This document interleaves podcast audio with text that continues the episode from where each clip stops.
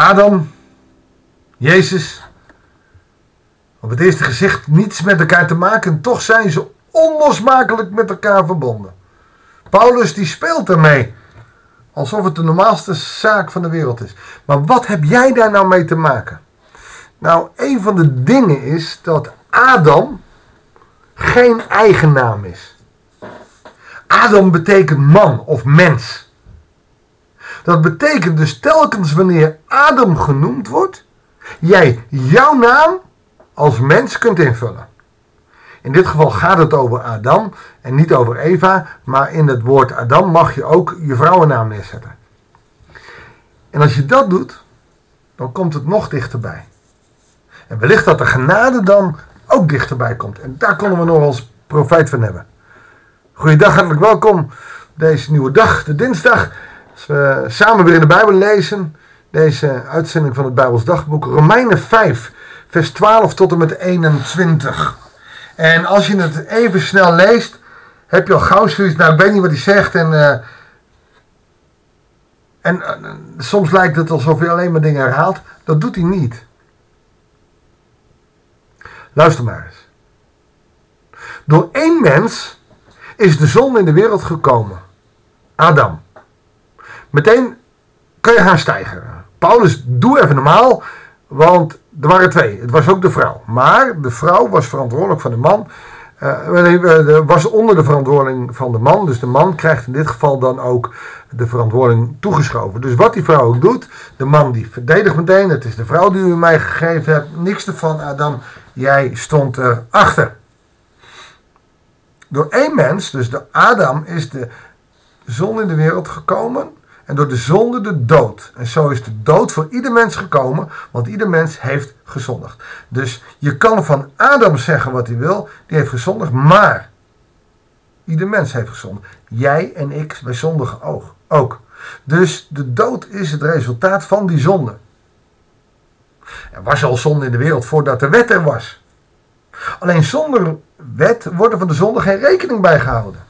Dus de mensen die geleefd hebben, van Adam tot en met Mozes, daarvan is geen rekening bijgehouden. Ze kunnen niet afgerekend worden. Toch heerste de dood in de tijd van Adam tot en met Mozes over alle mensen. En die dood is gekomen door de zonde van Adam en Eva. Ook al begingen ze met hun zonde niet dezelfde overtredingen als Adam. Dus je hoeft er nog niet eens iemand ja, ongehoorzaam te zijn aan God. Is een van de ergste zonden. Hè?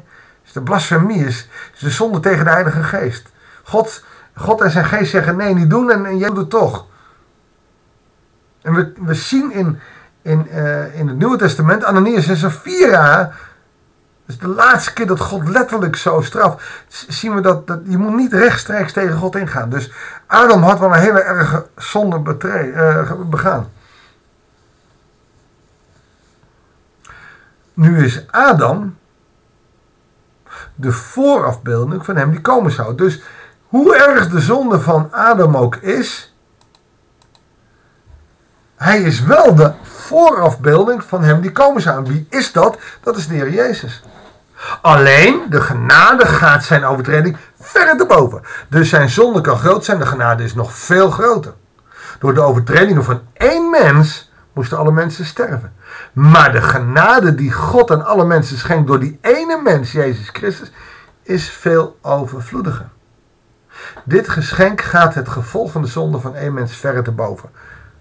Want die één overtreding heeft tot veroordeling geleid, maar de genade die talloze mensen overtredingen geschonken werd, heeft tot vrijspraak geleid. Oftewel, Adam kan wel voor de zonde in de wereld gezorgd hebben en voor de dood in de wereld, maar de genade is veel groter en de redding door de genade veel groter. Dus moeten we niet gaan kijken, had Adam maar nooit, want dan zeg je ook, had jij maar nooit, of had ik maar nooit, had Dirk maar nooit. Gelukkig is het dus niet van ons afhankelijk, maar is de genade vele malen groter dan de zonde die uh, wij Als de dood heeft geheerst door de overtreding van een mens, is het des te zekerder dat alle die de genade en de vrijspraak in zijn overvloed hebben ontvangen, zullen heersen in het eeuwige leven, dankzij die ene mens, Jezus Christus. Eén mens bracht de zonde in de wereld, De mens bracht de zon in de wereld. Maar Jezus Christus bracht de redding, de genade, de verzoening, de vrijspraak. En we zullen dus voor eeuwig vrij zijn in Christus. Hoe doe je dat? Door te geloven in Hem. Kortom, om een lang verhaal kort te maken zouden wij zeggen. Zoals de overtreding van één enkel mens ertoe heeft geleid dat alle werden veroordeeld, zo zal de rechtvaardigheid van één enkel mens ertoe leiden dat alle worden vrijgesproken daardoor zullen leven. Met die kanttekening dat je wel in hem geloven moet. Deze brief wordt geschreven aan de gelovigen in Rome.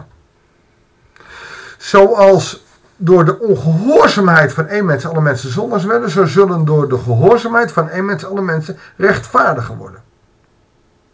En later is de wet erbij gekomen, zodat de overtredingen toenamen, maar waar de zonde toenam, werd ook de genade steeds overvloediger. Elders vraagt Paulus zich dan ook af, betekent, oh nee, dat doet hij in hoofdstuk 6, betekent dit nu dat we moeten blijven zondigen om de genade te laten toenemen? Want dat, dat suggereert hij hier een beetje. de, de wet is erbij gekomen zodat de overtredingen toenamen. Maar waar de zonde toenam, werd ook de genade steeds overvloedig. Dat is een gekke zin.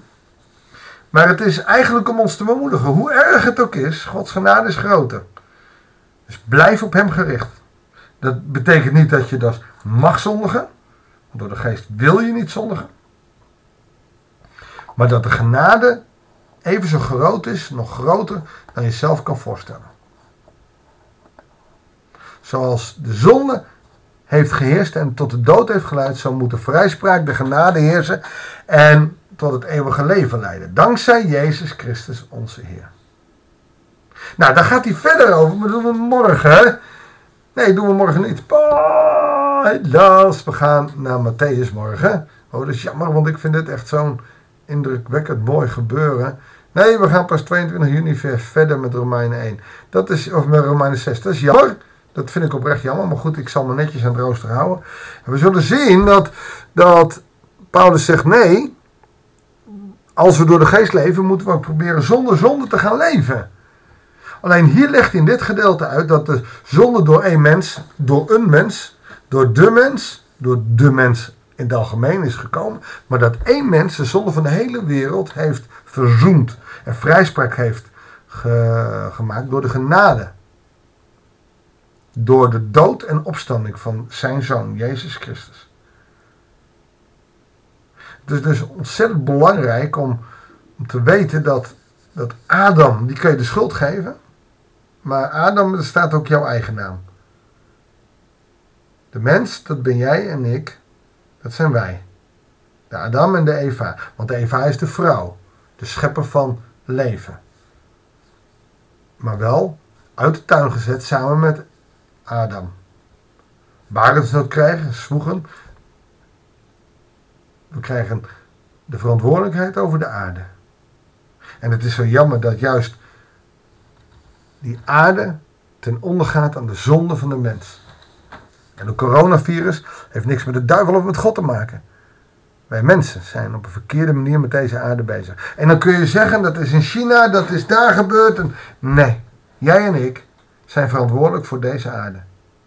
En ook jij en ik doen mee aan die plastic soep. Doen mee aan milieuverontwaardiging.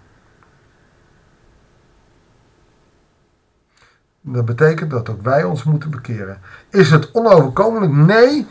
Onze zonden kunnen en zullen vergeven worden, mits we gericht blijven op Christus, op het kruis. Op zijn genade en daarvan afhankelijk zijn. Zullen we daarom bidden? Heer God, kom met uw heilige geest. Vul ons. Zodat we door de kracht van uw geest ons afhankelijk weten van uw liefde en van uw genade. Heer, en uw genade is ons genoeg. Ga met ons mee deze dag. Als we proberen te leven naar uw wil, hoe moeilijk dat ook is. Zegen ons zo in de naam van onze Heer Jezus Christus. Amen. Dankjewel voor het luisteren. Ik wens je God zegen en heel graag tot de volgende uitzending van het Bijbelsdagboek.